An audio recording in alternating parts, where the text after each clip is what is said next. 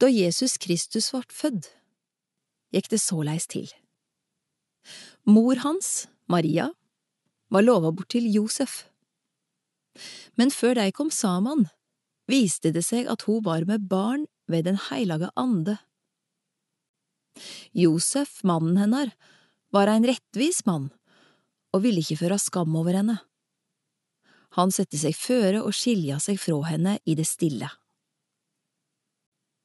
Da han hadde tenkt ut dette, synte en engel fra Herren seg for han i en draum, og sa, Josef, Davids sønn, vær ikke redd å ta Maria heim til deg som kona di, for barnet som er avla i henne, er av Den heilage ande.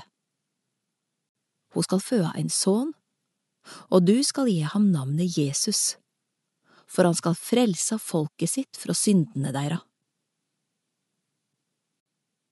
Alt dette hendte så det skulle oppfyllast, det Herren har tala gjennom profeten. Sjå, møya skal bli med barn og føa en sønn, og de skal gi ham navnet Immanuel, det tyder Gud med oss. Da Josef vakna fra søvnen, gjorde han som Herrens engel hadde båa han, og tok Maria heim til seg som kona si, og levde ikke sammen med henne før hun hadde født sønnen sin, og han ga ham navnet Jesus.